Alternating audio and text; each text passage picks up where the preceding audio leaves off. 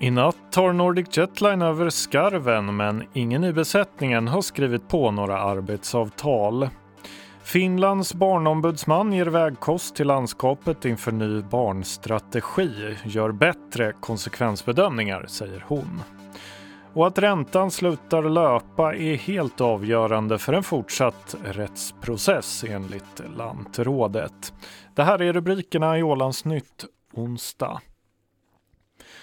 Det går in, i nuläget inte att vara helt säker på att räntan på elhybridskadeståndet faktiskt har slutat växa. Det säger lantrådet Katrin Sjögren, liberal. 13,2 miljoner euro deponerades igår hos ämbetsverket och landskapsregeringens uppfattning är att det fått stopp på räntan medan konsortiets åsikt är den motsatta. Du hör Katrin Sjögren. Vi har försökt utröna alla möjligheter att, att vi skulle få räntorna att, att sluta löpa och, vi tror att det här är ett korrekt sätt. Men ni kan inte vara 100 procent säkra? Nej, det är min uppfattning att det kan vi faktiskt inte vara utan det är en sak som i så fall måste prövas i domstol. Landskapsregeringen har meddelat att det avser att ansöka om besvärstillstånd av Högsta domstolen med förhoppningen att få ner det 10,5 miljoner stora skadeståndet för den uppsagda elhybridfärjan. Men ännu har ingen ansökan skickats in. Det är en sak som, vi, som bereds och som jag inte kan svara på idag. Men det måste ju komma här innan fataljetiden löper ut. Då, så att, att här inom det snaraste så kan vi ge ett besked. Tror du att ni kommer att begära om besvärstillstånd även om det finns en osäkerhet kring räntan eh, och huruvida den fortsätter att växa? Nej, där anser jag att där måste vi nog ha klara besked. Vi kan inte riskera det då att räntan fortsätter löpa. Och det, det, det, det ser jag som en, som en omöjlighet. Då, då skulle det i princip äta upp det som vi möjligtvis skulle kunna om vi skulle kunna få ner skadestånden något lite. Så, så att det där är en, en, en relevant aspekt som vi måste ta i beaktande. Det sa lantrådet Katrin Sjögren. Landskapsregeringen har möjlighet att fram till den 25 mars begära om besvärstillstånd i målet. Reporter Felicia Bredenberg. Vid midnatt övergår skärgårdsfärjan MS Skarven från Anskar till Nordic Jetline som tar över driften. Vid tiden på onsdagsförmiddagen hade dock ingen i besättningen skrivit på något arbetsavtal med den nya arbetsgivaren, menar Peter Juslin, befälhavare på Skarven. Vi ska höra honom här men jag ber om ursäkt i förhand för ljudkvaliteten. Det var något på skarvens brygga som störde ut vår mikrofon. Hur som helst, eh, Peter Juslin, befälhavare på skarven. Ja, det är ett problem. Till dags dato just nu så, så har ingen ombord skrivit på ett nytt arbetsavtal med den nya arbetsgivaren.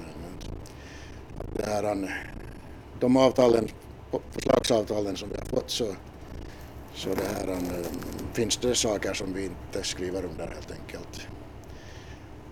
Och, det här, um, och förbunden är kontaktade och de, nu i det här skedet så sköter de förhandlingarna med, med den nya arbetsgivaren och vi väntar och ser vad det är. Men att jag har tänkt nog att vi fortsätter att köra fort, precis så som, som om vi skulle ha avtal men att vi får se framtiden. Jag hoppas att vi får nya avtal ganska fort här. Annars, annars kan det hända, bli vad som helst, vi får se.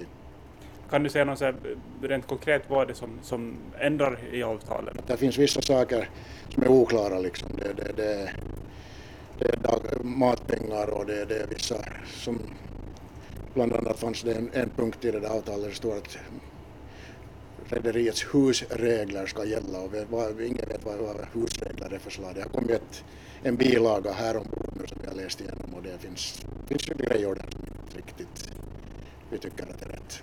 Peter Juslin där alltså befälhavare på MS Skarven eh, reporter Dan Sjöblom återigen då ursäkt för den eh, dåliga ljudkvaliteten.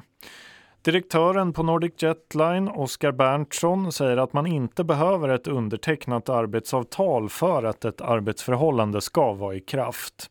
Alla som jobbat på skarven för Anskar kommer nu över till dem på minst lika bra villkor som tidigare, säger Berntsson.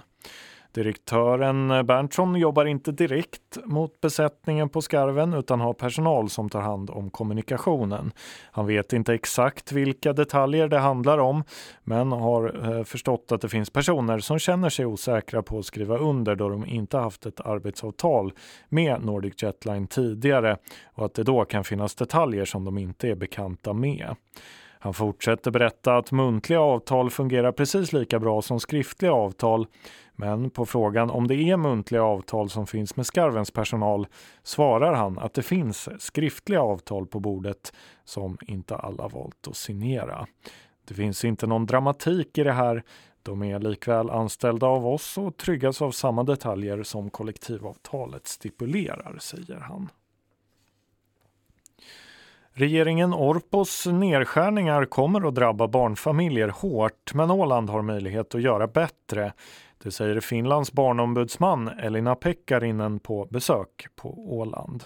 Pekkarinen ska bland annat ge vägkost åt landskapsregeringen som planerar en ny barnstrategi.